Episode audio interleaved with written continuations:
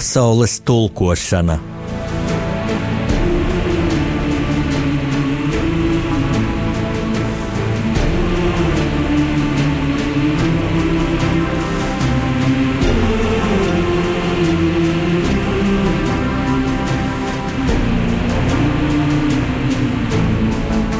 Studijā rakstnieks Jānis Udris.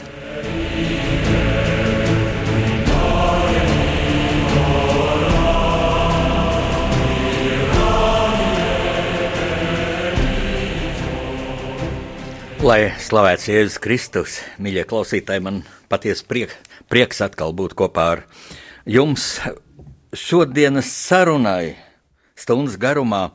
Es esmu izraudzījies, eh, liekas, diezgan smagu, katrā ziņā ļoti, ļoti aktuālu tematu, mm, ko es nosaucu Lūzeru sindroms. Nu, te varbūt mazliet grēkots pret latviešu literāro valodu, tāds anglicisms. Lūzer, tas, kā zināt, ir zaudētājs, nu, neveiksmnieks sindroms. Neveiksmnieks sindroms, kas ir bezgala dziļi iezīdies mūsu ikdienā un ko, diemžēl, kultivē, kultivē nu, tā sauktā interpretējošā elite, pie kuras mm, varētu pieskaitīt e, žurnālistus, arī pedagogus. E, nu, tādas, kas kritizējami, ir arī ļoti labi pedagogi, ir arī ļoti labi žurnālisti. Nu, visus cilvēkus, kuriem ir iespēja kaut kādā veidā mm, uzrunāt Eh, publiskajā telpā uzrunāt sabiedrību un atstāt iespaidu uz eh, sabiedrības noskaņojumu, uz sabiedrības attieksmi pret savu valsti, uz cilvēku nu, spēju produktīvi strādāt, attīstīt savus talantus. Jo ļoti daudz kas jau slēpjas mūsu apziņā, mūsu galvās, mūsu smadzenēs, arī ļoti daudzi mūsu trūkumu cēloņi. Un tā šīs dienas pārunu lūzera sindroms, jeb skats mūsu problēmu saknē. Viena no problēmām ir tā, ka mēs ļoti ātri aizmirstam pat ļoti karstu diskusiju tematus. Un es gribu atgādināt, kas tad šogad bija pašā tādā nu, sabiedriskā diskusiju, preses, radio, televīzijas diskusiju epicentrā. Trīs ļoti dažādas problēmas, lūk, tās nu, oligarhu sarunas. Patiešām nu, pretīgs notikums. Gribu tikai atgādināt, ka reiz par to jau plaši tika diskutēts. Un tad, kā uz burbuļu mājiņa, šīs diskusijas apklusa, pēc tam kādā laikrakstā lūk parādās šo sarunu pieraksts, par ko atkal diskutēja, vai mm, šie teksti ir autentiski vai nav. Te pretrunīgi apgalvojumi parādās un tā tālāk. Lūk, tāda šī parādība un atkal publiskā telpa viļņojas par to. Otrs Ļoti dzīvi tika diskutēts par ģimenes ārstu streiku. Nu, tiešām pati, pati, pati aktuālākā problēma Latvijā. Es piekrītu, ka nu, vai tieši tikai ģimenes ārstiem vai vispār mediķiem būtu ļoti mm, nu, jāpārskata viņu atalgojums, jo gluži vienkārši ja cilvēki, mediķi un, cik es zinu, īpaši jau medmāsiņas, šis zemākais medicīniskais personāls, vienkārši balso ar aizbraukšanu no Latvijas. Drīz mums būs ļoti asa krīze ar medmāsiņām un bagātākajās rietumu valstīs, lūk, izmanto augsti kvalificētu medicīnisko personālu. Nerunājot jau maz par ārstiem, kuri arī, arī joprojām lielā skaitā aizbrauc no Latvijas. Lūk, divas jau šādas problēmas, bet uh, būtu labi, ja ģimenes ārstu algu jautājums būtu vienīgā problēma. Paskatīsimies pārunas turpinājumā, vai tas tā ir. Bet trešais jautājums, par ko ļoti dzīvi diskutēja sabiedrībā, un par ko arī es rakstīju internetā, ļoti asā komentārā, uh, un par ko es atzīšos jau vīrietis, kurš dzīvē ir daudz pieredzējis, daudz skarbus brīžus, daudz netaisnības, daudz pārestības, pārciets, daudz apmelojums. Es nevarēju rakstīt bez asarām acīs. Nu, varbūt laiks daži. Mēneši, kas pagājuši kopš šī notikuma, ir ienesuši savas korekcijas. Pagaidām es vēl neraudu un ceru, ka tā arī izturēšu. Ziniet, tā ir šī piecgadīgā puisēna mm, traģiskā nāve. Puisīts, pieci gadi, viņš apmaldās, viņš ieklīst mežā, un tur viņš vairākas dienas nēdis, naktīs pārsals, gluži vienkārši nomirst. Un tas notiek Eiropas Savienības dalību valstī, nebūt ne tajā nabadzīgākajā valstī, kā ļoti mīl apgalvot mūsu žurnālisti, mūsu zemākās kategorijas žurnālisti, mūsu mazohistiskie mm, žurnālisti, kur muļķo cilvēkus. Mīļie klausītāji, es esmu bijis 70 pasaules valstīs, gan bagātās, gan patiešām nabadzīgās. Un es gribētu teikt, ka Latvija nu, ir tā pa vidam. Uh, Eiropas Savienībā vispār neviena valsts nav tāda, kas pasaules kontekstā būtu salīdzināma ar nabadzīgākajām pasaules valstīm. Tie ir meli. Ja jūs gribat redzēt patiesu nabadzību, tad aizbrauciet uz Bangladešu, uz Indiju, uz Pakistānu. Un, lūk, puisēna nāve Eiropas Savienības valstī. Un tagad, ja es teikšu, ka starp visiem šiem trim diskusiju tematiem ir kas kopīgs, tad jūs laikam ļoti brīnīsieties. Un tomēr es to apgalvoju, jā, ir kaut kas kopīgs. Ieskatīsimies dziļāk. Vispirms jau visi šie trīs problēmu nu, kompleksi, visas šīs trīs problēmas varēja nebūt. Tas patiesībā nedrīkstēja būt. Ja mūsu valstī būtu sakārtot ekonomika, sakārtot sociālā sfēra, un ja mūsu valstī būtu augstāks morālais klimats, un te nu gribot, negribot, jārunā par mūsu valdībām. Parasti tā kritizē valdību, medijos, nu, kritizē to vai citu partiju, kura ir, kur ir dominējusi pie valdības sastādīšanas, kura izveidojusi koalīciju vēl ar kādām dažām partijām. Un tad es tā klausos un vēroju, ka ļoti daudzos gadījumos tiek kāda partija lobēta, kāda gremdēta, Ļoti aktuāli tas parādās tagad, kad tuvojas vēlēšanas, līdz nākamajām saimnes vēlēšanām ir nu, gads. Gads.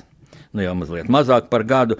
E, it kā daudz, nē, tas nav daudz. Tagad ir tīs, tieši šis priekšvēlēšanu mm, sindroms, šī sacensība par vietām nākamajā parlamentā uzņem apgriezienus. Un aizvien vairāk jūs dzirdēsiet, ka kritizē teiksim, pašreizējo valdību ar tādu zemtekstu, ka nākamā valdība būs labāka.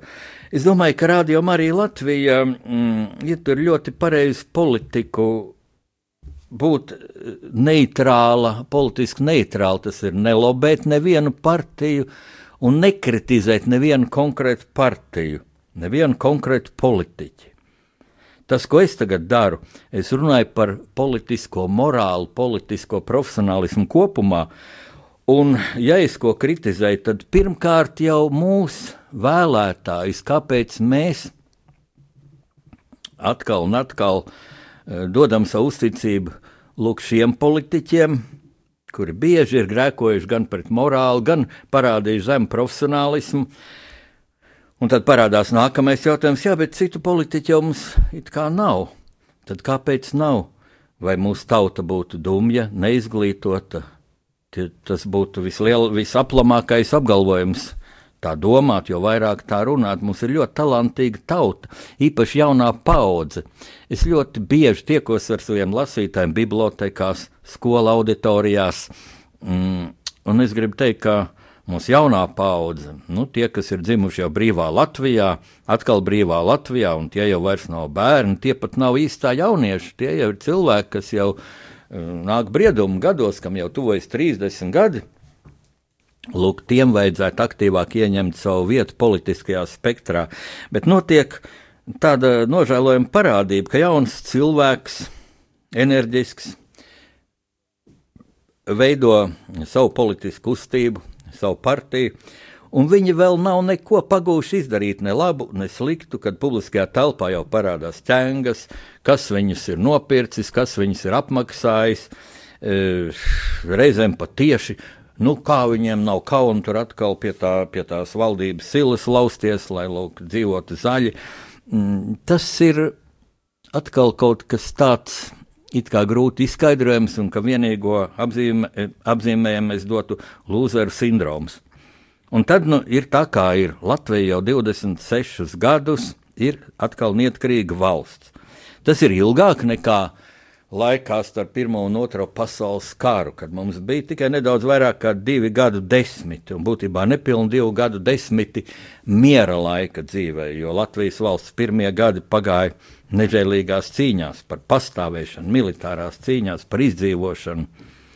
Un šajos divos gadsimtos Latvija kļuva par vienu no sociāli plaukstošākajām, bagātākajām Eiropas valstīm. Latvijā rēķinot uz katriem tūkstošiem iedzīvotājiem bija lielākais izdoto grāmatu skaits, lielākais studentu skaits. Un, ja tā domā, ka Latvija bija ar augstu attīstītu lauksaimniecību, jā, tā bija. Latvijā bija pienpopība nu, tādā līmenī, apmēram kā, kā Dānijā, bet mums bija arī ļoti augsta attīstīta rūpniecība. Laukos pat sāk trūkt darba spēka, tāpēc šis fenomens, ka iebrauca lietuviešu un poļu laukstrādnieki, jeb kalpi, kā viņi sauca, uh, jo cilvēki no laukiem brauca strādāt rūpnīcās. Vefā ražoja pasaules izcilāko miniatūro fotokameru, VF Minox konstruēja lidmašīnas, turpat pāri brīvības ielai, mm, Vairogā kas pēc kara tika nosaukta par Rīgas vagonu rūpnīcu, montēja Ford automobīļus. Lūk, tāda bija šī Latvija. Tagad mēs mīņājamies uz vietas, un kurš tā, nu, uzreiz, kā mēs sakām, uz sitienu pateiks, cik un kādas valdības mums kopš neatkarības atjaunošanas ir bijušas. Nu, es arī nevarētu tā bez padomāšanas nosaukt visas valdības, visas premjerministrus, un Es domāju, tas ir likumsakarīgi, jo neviena valdība nav iegājusi vēsturē ar kaut kādiem dižiem darbiem, ar īpašu progresu ekonomikas vai sociālajā jomā.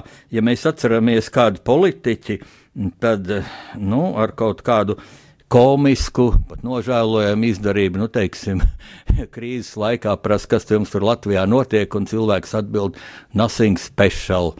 Un šis nothing special Man nāca vēlreiz prātā, ka pasaulē ļoti aktuāla ir problēma ar terorismu. Un bija sarīkota mm, tāda televīzijas diskusija, aptauja, aptaujāja bijušos, bijušos uh, politiķus. Nu, kā viņi domā, kādas pasākums vajadzētu veikt Rīgā, lai novērstu eventuālas terorismu iespējas? Nu, konkrēti, lūk, šo terorismu, kad ar automašīnu triecas cilvēku pūlī un nogalina cilvēkus tādējādi. Nu, tur ļoti skaidri parādījās, ka mm, nu, relatīvi lēts variants ir uz ielām izbūvēt tādas stabiņas, kuras var iegremdēt bruģī, bet tad, kad nāk kāds publisks pa pasākums, tad pacelt uz augšu. Un šādi stabiņi, cik es atceros, tur bija runa, nu, cenas dažādas, bet no, no diviem līdz sešiem tūkstošiem eiro. Viens tāds stabiņš, nu, desmit tādi stabiņi.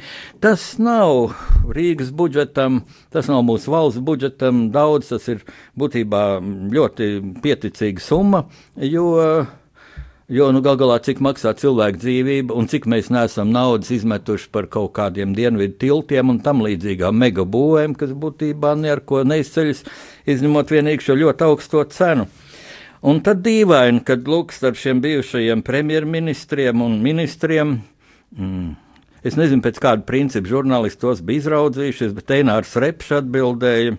Mm, Nu, jā, tā kā varētu, jau vai nevarētu, vai vajadzētu, vai nevajadzētu, tā arī īsti nevarēja saprast. Bet, nu, ka tikai šāds um, pasākums nesaceļ satraukumu sabiedrībā un tam līdzīgi, nu, tas ir tāds, ko sauc bla, bla, bla. Jā, jautājums par cilvēku dzīvību, par cilvēku dzīvības sargāšanu ir pārāk nopietns, lai, lai, lai politiķis, tiešām atbildīgs politiķis, vai pat ja tas ir ekspolitiķis, izgāzies politiķis, politisks līķis, kā tādu sauc, lai viņš, nu, tik viegli prātīgi runāt, bet tad parādījās Misters Nothing Special, ja, kurš teica, ka nevajag, nevajag, nevajag šādas stabiņas, nekas Latvijai nedraud, un, un, un vārdsot atkal Nothing Special. Nu, cik cilvēks vajadzētu nonāvēt, lai viņš neteikt Nothing Special? Ļoti daudz mēs tagad diskutējam par nodokļu politiku, par nodokļu reformu, un te atkal ir ļoti pretrunīgi viedokļi. Cik es esmu pētījis šis, šo reformu, nu, kaut kādi uzlabojumi ir, bet tie nav kardināli. Un tie, es neticu, ka ļoti mm, kardināli mainīs potenciāli ārvalstu investoru attieksmi pret Latviju. Jo Latvijas mm, šī nodokļu politika, maiņ, mainīšana un uh, spēles noteikumu mainīšana un uh, šī neziņa, kad uzņēmējs dibinot savu firmu, nu viņš nezina, kāda būs spēles notikumi. Varbūt pēc, pēc gada izrādīsies, ka tas ir ļoti neizdevīgi, tas viņa, viņa finanses ieguldījums, tas atbaida investors, līdz ar to mēs zaudējam iespējas, zaudējam darba vietas, ko varētu ārvalstu investori radīt. Un ir liels maiņas ar lieliem skandāliem notikušas pašā valsts ieņēmuma dienestā. Un, ziniet, kad es braucu uz meža parku un redzu šo vidu, nu, es nevaru nosaukt savādāk kā monstru, kaut kas līdzīgs tādai gigantiskai kastei no arhitektūras viedokļa. Pilnīgs absurds. Protams, cilvēki, kas priekšā strādā, nav pie tā vainīgi. Bet man atkal jādomā par mūsu īso atmiņu un par uh, politisko morāli, par Latvijas milzīgo nelaimi, kopš 90. gadu vidus, ka pie mums politika auga ar biznesu, mēs, sabiedrība, neesam bijuši toreiz pietiekami modri, neesam tagad, mēs to vērojam, mēs to pieļaujam. Un tad man nāk prātā par šo vida monstru, šo milzīgo kasti, Bībeles vārdi. Nebūvē savu namu uz smiltīm, būvē savu namu uz klints. Un ziniet, šie vārdi Man nāk prātā tāpēc, ka te nu nav no klints nevēsts, un tepat nav smiltis. Te ir kaut kāds melu un krāpšanas purvs apakšā bijis šai jēkai, pašai jēkai. Ja es atceros padomju okupācijas laikos, te bija tāda mm, siltumnīca saimniecība, kur audzēja rozes. ļoti vajadzīga lieta. Kas pēc tam to prihvatizēja, kas iznīcināja, es nezinu, bet katrā ziņā mm, mēdījos vēl šī būva pat nebija uzsākta, kad parādījās tāda informācija, ka veikali cilvēki bija nopirkuši šo zemes gabalu, pēc tam politiskajās aprindās nolobējuši šo projektu, ka tieši tur un nekur citur jābe, jā, jābūvē valsts ieņēmuma dienesta ēka, un tā un šī ēka tur tika uzcelta. Un es varētu tikai novēlēt tādu valsts ieņēmuma dienesta darbiniekiem, starp kuriem, protams, es esmu pārliecināts, lielākā daļa ir godīgi cilvēki, godprātīgi cilvēki, um, labi savas nozares speciālisti, lai viņiem beidzot būtu iespēja, iespēja godīgi strādāt, profesionāli strādāt, un lai viņiem pietiktu spēka to veikt. Nu, lūk, šeit laikam es jums devu daudz tādu smagu vielu pārdomām, tāpēc es lūkšu brīdi mūzikai.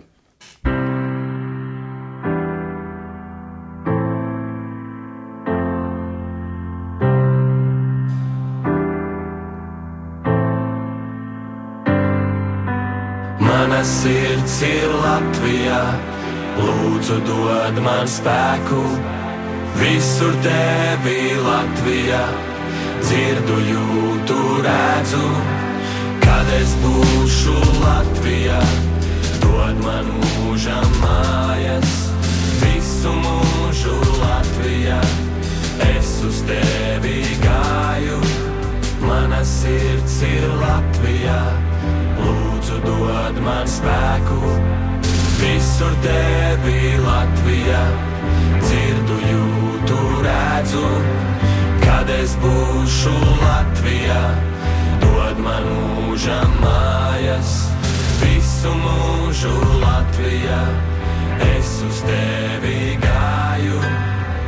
To, cik esmu lepns, ir grūti izdarīt teikt vārdiem. Mēs esam stipri tauta, jo tik daudz ko nācies pārciest. Sargājiet savus tuviniekus un turiet viņus cieši. Es gribu redzēt latviešu vairāk nekā jebkad iepriekš. Mūsu senči par šo zemi atdeva savu miesu. Pietiks kalpot citām tautām, brāļi, atgriežamies. Vai tavi senči ar tevi lepotos, nu tā patiesi? Ja nē, tad brauc atpakaļ un kopā iesim uz priekšu. Pietiks vainot kādu citu, mēs esam paši par sevi stipri. Beigsim lēti pārdoties un sāksim ražot lietas. Un to, kas notiek tur saimā, par to mums jālūdz ir Dievs. Es nezinu, kā to risināt, bet es zinu vienu. Mana sirds ir Latvijā, lūdzu dod man spēku.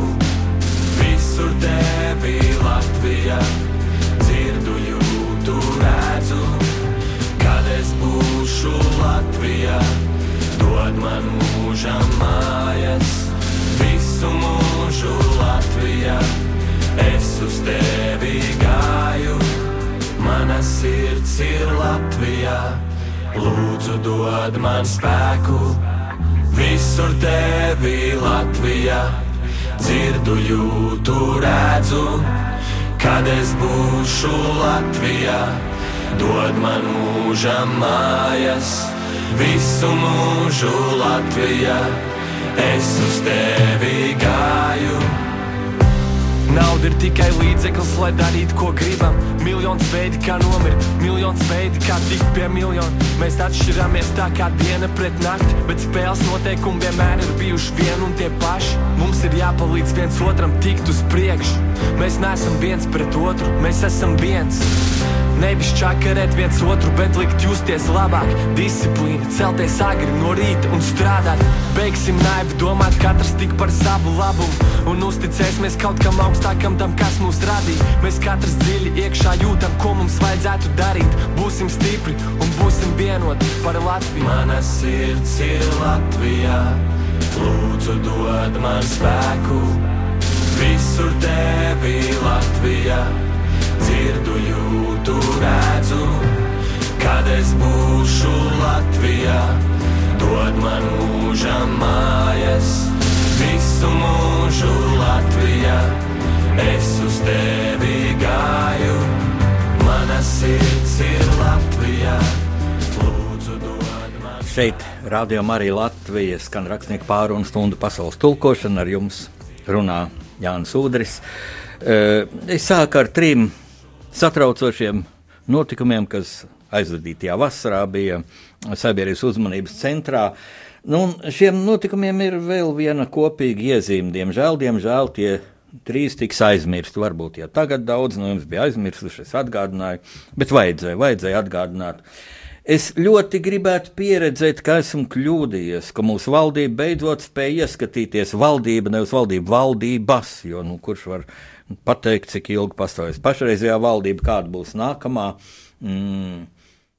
Bet, nu, kad mūsu valdības beidzot spētu ieskatīties problēmas saknē un saprastu, problēmas nevar atrisināt ar butaforiskiem līdzekļiem. Nu, labi, šoreiz streikoja ģimenes ārsts. Pēc laika varētu streikot medbāzes vai skolotāji, vai nedod Dievs, ugunsdzēsēji vai, vai policisti. Tas jau būtu pavisam briesmīgi. Jo nav iespējas atrisināt vienas nozares problēmas, nedomājot par visas ekonomikas kompleksu attīstību. Un tā jau nav tikai nodokļu paaugstināšana, tā nav jaunu nodokļu radīšana, esošo nodokļu pārdalīšana, piedalīšana vai apdalīšana, un tā nav arī mikro uzņēmumu macēšana un investoru atbaidīšana. Un tā nav arī valsts ierēģiņu pašatražošanās, ko mēs redzam ik uz soļa. Ierēģiņu skaits ir daudz par lielu nelielai valstī, relatīvi nelielai valstī, kāda ir Latvija. Tā ir darbības imitācija, un, un šeit, diemžēl, diemžēl, nav runa tikai par valsts attīstības bremzēšanu.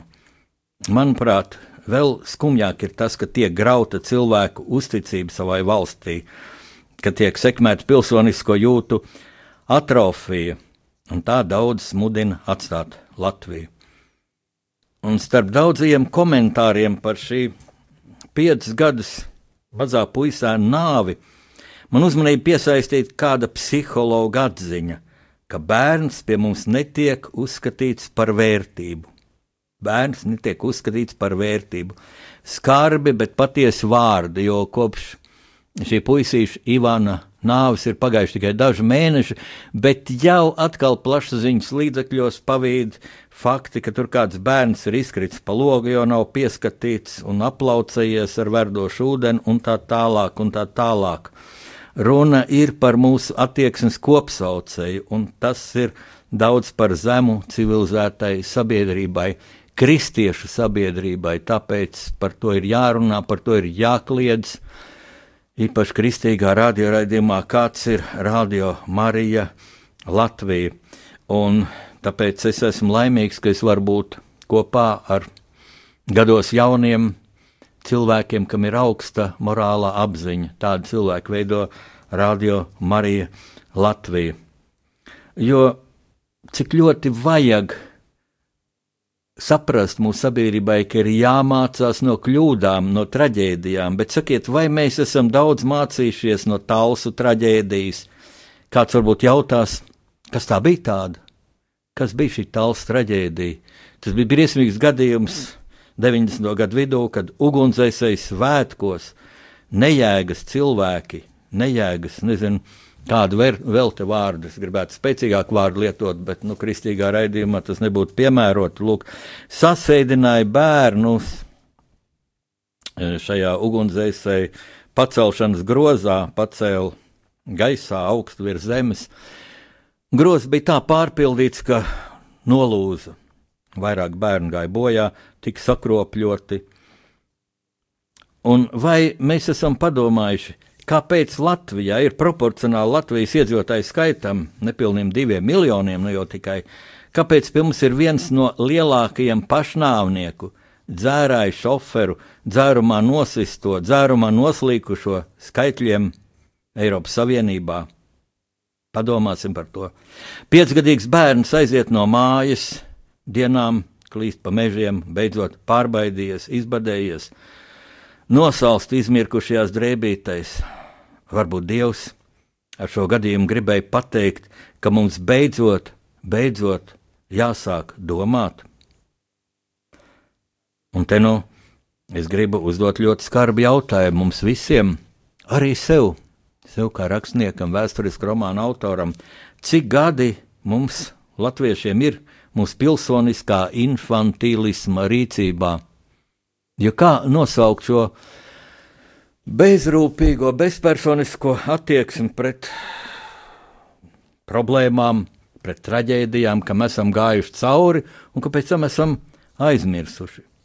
Tūkstošiem, desmitiem tūkstoši latviešu ir aizbraukuši no Latvijas, it kā bezdarba dēļ, it kā bezdarba dēļ, Bet, lūk, vakar es skatos reģionālajā televīzijā diskusiju par to, ka uzņēmīgiem cilvēkiem, kas Latvijā dibina firmas, un tie ir mūsu nacionāli uzņēmēji, tajā diskusijā piedalījās latvieši, kas dibina firmas savā valstī, ka trūks darba roku. Trūks darba roku, trūks kvalificētu cilvēku, kas tiešām gribētu būt gatavi un prastu godīgi, bez pļēgurošanas, bez blēdīšanās, bez akšanas strādāt nu, tad viņiem arī būtu pamats pelnīt labu algu. Bet tādu trūkst. Un uzņēmēji aizvien biežāk sāk runāt par nepieciešamību iepludināt darba spēku no citām valstīm. Kāds zinātņu doktors televīzijas raidījumā pat konkretizēja, ka vēlamākais ceļš būtu krievalodīgu iepludināšanu no bijušajām PSRS republikām, jo viņiem jau esot pazīstama mentalitāte, krievu valoda mums visiem vēl prātā, uh, Nu, es teikšu, tā dzirdot šādus prātuļojumus, man nāk prātā atmodas laikā bieži lietotais vārds mankurts. Bija padomju okupācijas laikā Dailas teātrī iestudēta tāda Čingizaita Mātova luga, garāka par mūžu dienu ilgst. Un tur skaidroja, kas ir vārds mankurts. Tas ir austrumu tautās tā sauc vergus, kam bērnībā, visam maziem bērniem, galvā bija uzmaukta jēlas kamieļādas micīte, un āda izžūstot, tā sarāvās un tik nežēlīgi saspied upura galvu, ka izdzēs no atmiņas dzimto zemi, dzimto valodu, atņēma cilvēku bērnam etnisko identitāti.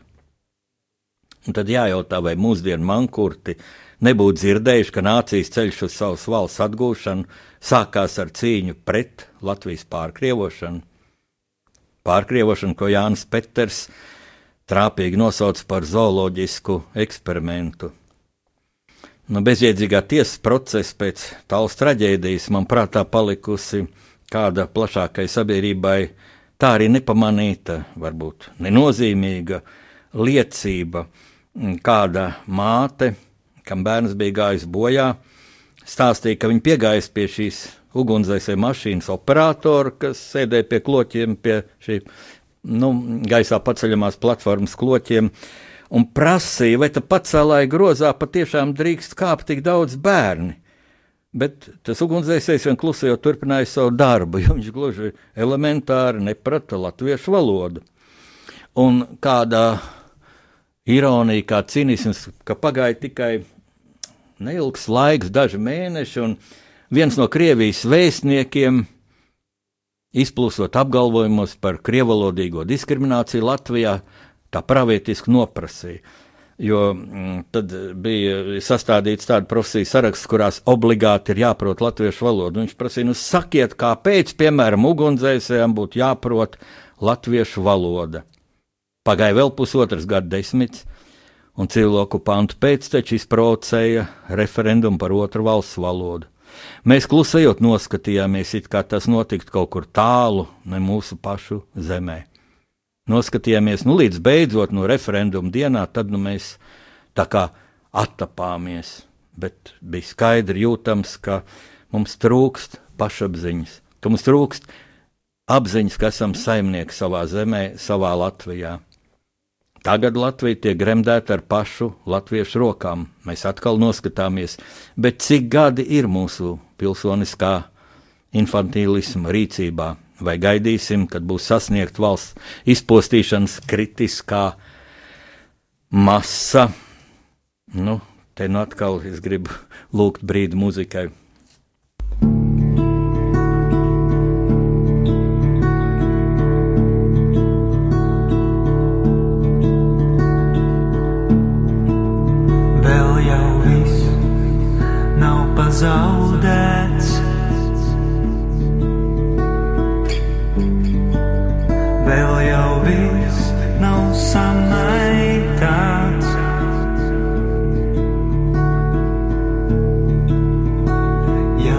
Noticēt ļausim mēs sev.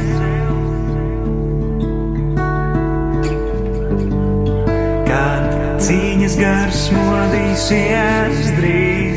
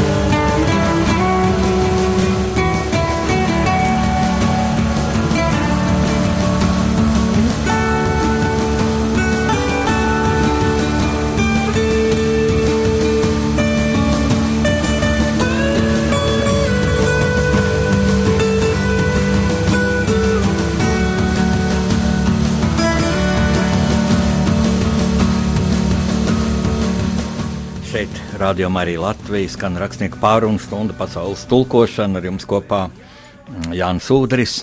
E, Tātad runājam par mūsu mm, lūzeru sindromu, kā to pārvarēt, kā tas radies. E, Es aicinātu paskatīties arī pagātnē, mūsu valsts pastāvēšanas pirmajos 20 gados, ko mēs kādreiz saucam par labajiem ulmaņa laikiem, bet nu, par Kārlu Ulmanu es jau daudz runāju.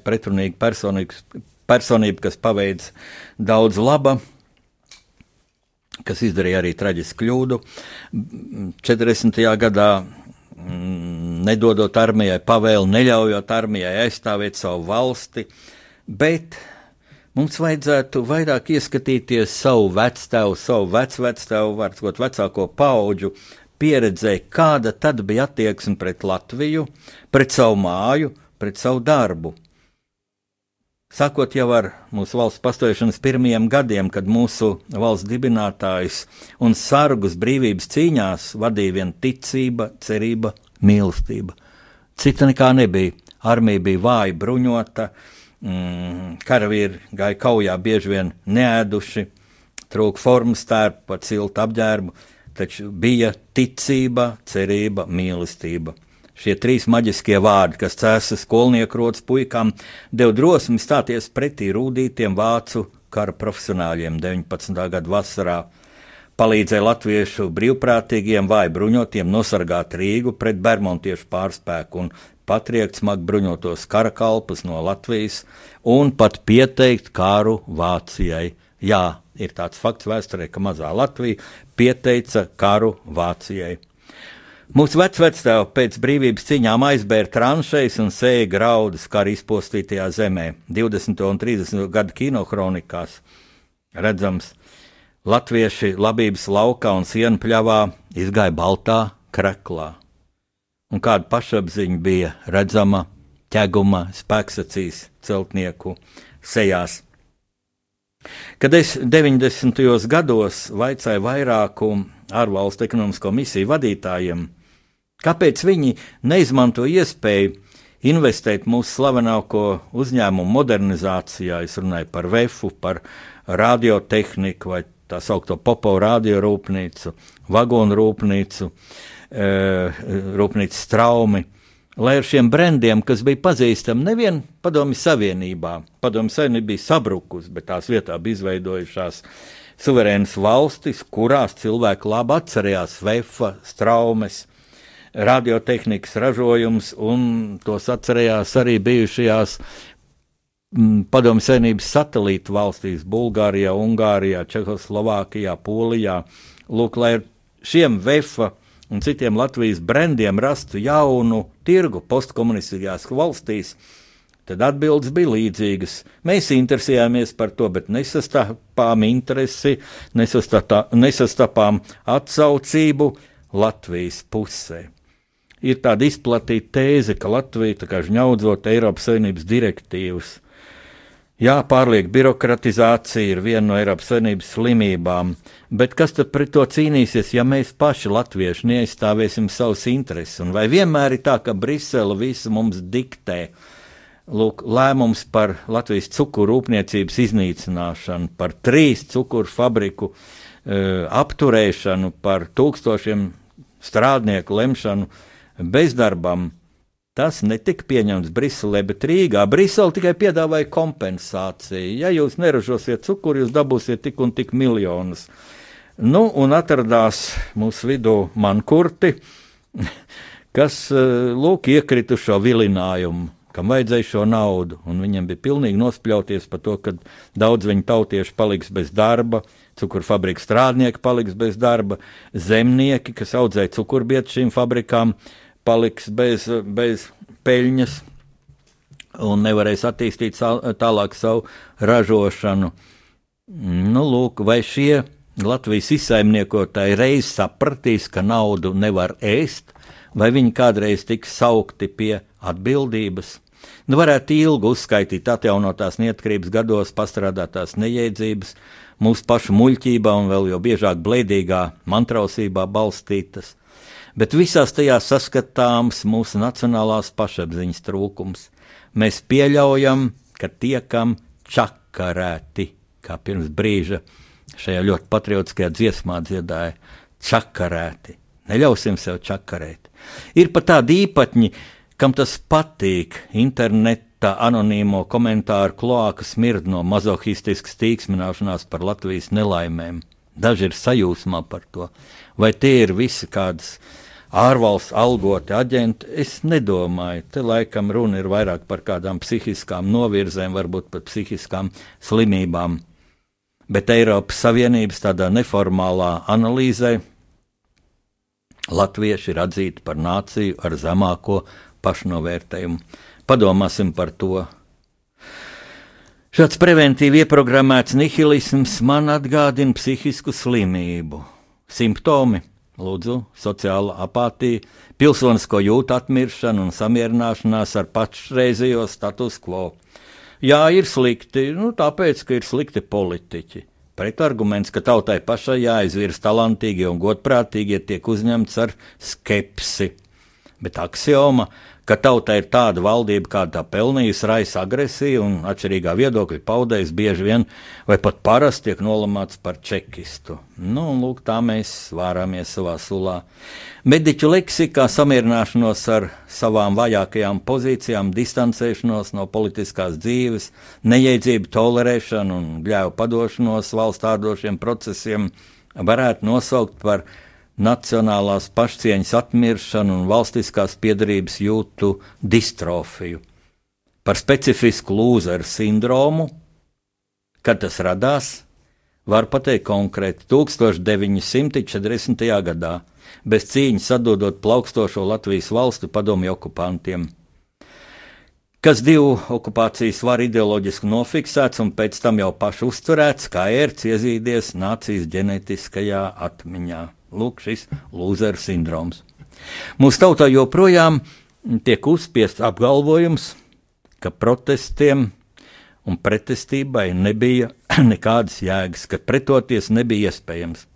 Bet dziļākajā būtībā tāda jautājuma nostādne - aizsargāt savu valsti tikai pret vājāku pretinieku un padoties stiprākam pretiniekam, tā ir amorāla. Amorāla. Vēsture glabā milzums piemēru, kad pat niecīga armija stājusies ceļā iebrucēju pārspēkam. Luksemburgā brāļu kapos abedīt simtiem vācu karavīri, kas krituši kaujās ar Luksemburgas armiju Pirmajā un Otrajā pasaules karā. Bez Luksemburga taču ir daudz mazāka par Latviju. Izšķiroši ir karavīra profesionālā sagatavotība, morāla un motivācija karot. Ziniet, nevelti viedokli, ka Latvija 1940.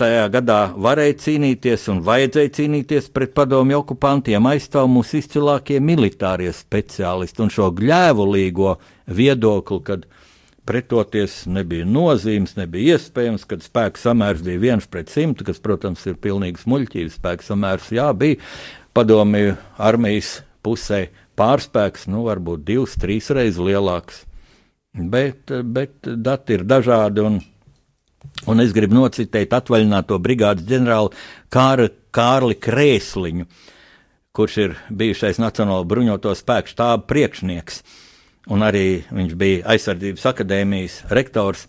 Viņš savā jaunajā grāmatā no lauku puikas līdz ģenerālim raksta, citēju, ja Latvija vidēji 25% savu budžeta iedalīja kara ministrijai, Papildus bija spēcīga aizsarga organizācija, kuras, aizsarga organizācija, kuras sastāvā 39. gadā bija 60 tūkstoši cilvēku, un tā netika finansēta no kara ministrijas budžeta. Tad Latvijai vajadzēja izrādīt bruņot pretestību savas valsts okupācijai. Tas neradīja diskusijas par Latvijas brīvprātīgu pievienošanos PSRS un aneksiju vai okupāciju. Daži pētnieki uzskata, ka Latvijas valsts prezidents Kārls Ulmans piekrītot PSRS karaspēka bāzi izvietošanai Latvijas teritorijā un atsakoties veikt valsts militāro aizsardzību, gribēja izvairīties no daudzu latviešu iznīcināšanas. Nacionālajā aizsardzības akadēmijā tika veikts pētījums, kurā ir identificēti vairāk nekā tūkstoši Latvijas armijas virsnieku, kas tika iznīcināti PSRS laikā. 20. gadsimtā karavīriem bija iespēja veiksmīgi vest partizānu karu, jo valsts represīvu orgānu rīcībā nebija mūsdienu modernā ekipējuma. Kosmosa satelītu, bezpilotu lidmašīnu, dažādu sensoru, nakts redzamības ieroču un tā tālāk. Savas iespējas pilnā mērā nodemonstrēja Somija. Citādi beigas. Lūk, tā militārais speciālists Kārlis Krēsliņš uzskata. Somija ziemas karā zaudēja daļu teritorijas, bet nosargāja savu valsti. Dzīvā spēka zaudējumi bija divi ar pus reizes mazāki nekā divu okupantu armijās kritušo latviešu skaits, un Somi cīnījās, Somi krita savā armijā zem sava karoga.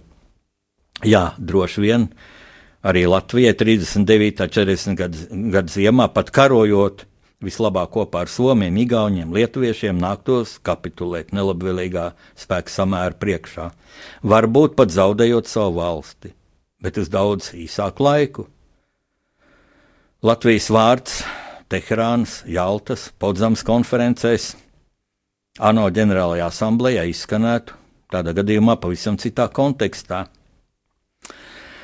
Pēc romāna Ulmans Lielā Kārļa testaments iznākšanas diskusijā, vai 1940. gadā vajadzēja cīnīties Latvijas Tautas fronts muzejā, man bija ļoti sāpīgi dzirdēt, cik deidzīgi daudz sabiedrībā pazīstam cilvēku aizstāv kapitulantisko pozīciju. Taču man sirdī iekrita Lienas Sestulis, Nacionālo partizāņu komandiera Jāņa Sestuļa meitas vārdi. Liena ir mana mm, ticības māsa no Rīgas Lutera draudzes. Mēs tiekamies tepat blakus Torņkalnu baznīcā, un viņa teica, ja Dievs redz, ka tauta ir gatava cīnīties par savu brīvību, tad Dievs sūta tādu palīdzību, kādu tauta nav pat gaidījusi. Un tieši to mēs pieredzējām 91. gada janvāra barikāžu epopējā problēmas būtību precīzi pateicis mūsu Nacionālo bruņoto spēku komandieris ģenerālis Leonīts Kalniņš. Citēju, ja mēs 1940. gadā būtu cīnījušies, tad tagad mēs būtu savādāki. Tagad mēs būtu savādāki. Citādi beigas. Šovasar arī trīs it kā tik dažādo šo notikumu iespaidā publiskajā telpā īpaši bieži izskanēja jautājums, ko darīt, vai ir izēja no permanentās stagnācijas. Nu, tad, lūk, atceroties ģenerāļa Kalniņa vārdus, es šo jautājumu pārfrāzētu, vai mums ir iespējams kļūt savādākiem? Man pārliecība saka, ka tas ir nevien iespējams, tas ir vitāli nepieciešams, un mēs to varam paveikt. Mēs to varam ar Dieva palīdzību paveikt. Mums katram, mūsu nācijai, mūsu valstī kopumā, izvērtējot katram savu attieksmi pret mūsu pagātni, šodienu un nākotni ir beidzamais mirklis saprast axiomu, ka par savu valsti ir jācīnās gan kaujas laukā, gan ikdienas situācijās, ka lūzera sindroms var būt fatāls valsts pastāvēšanai. Jo priekšnoteikums NATO 5. paragrāfa iedarbināšanai, uz kuru tik bieži atsauc mūsu politiķi, Lūk, šis priekšnoteikums kritiskā brīdī būs vispirms mūsu pašu gatavība aizstāvēt savu valsti. Mūsu pašapziņa. Tik vien un tik daudz. Paldies!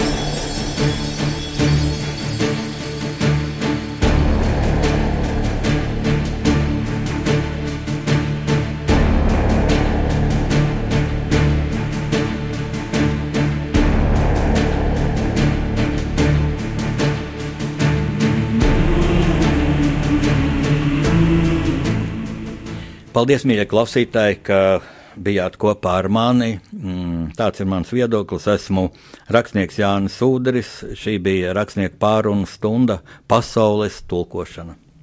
Ar Dievu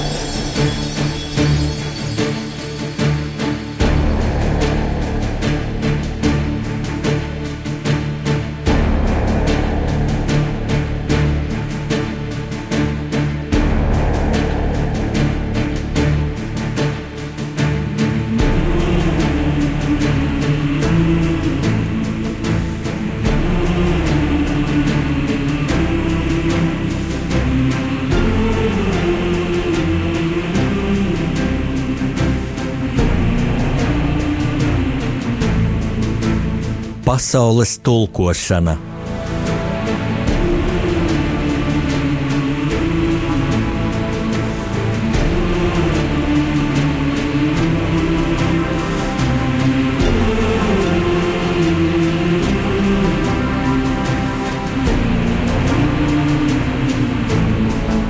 Studijā rakstnieks Jānis Udris.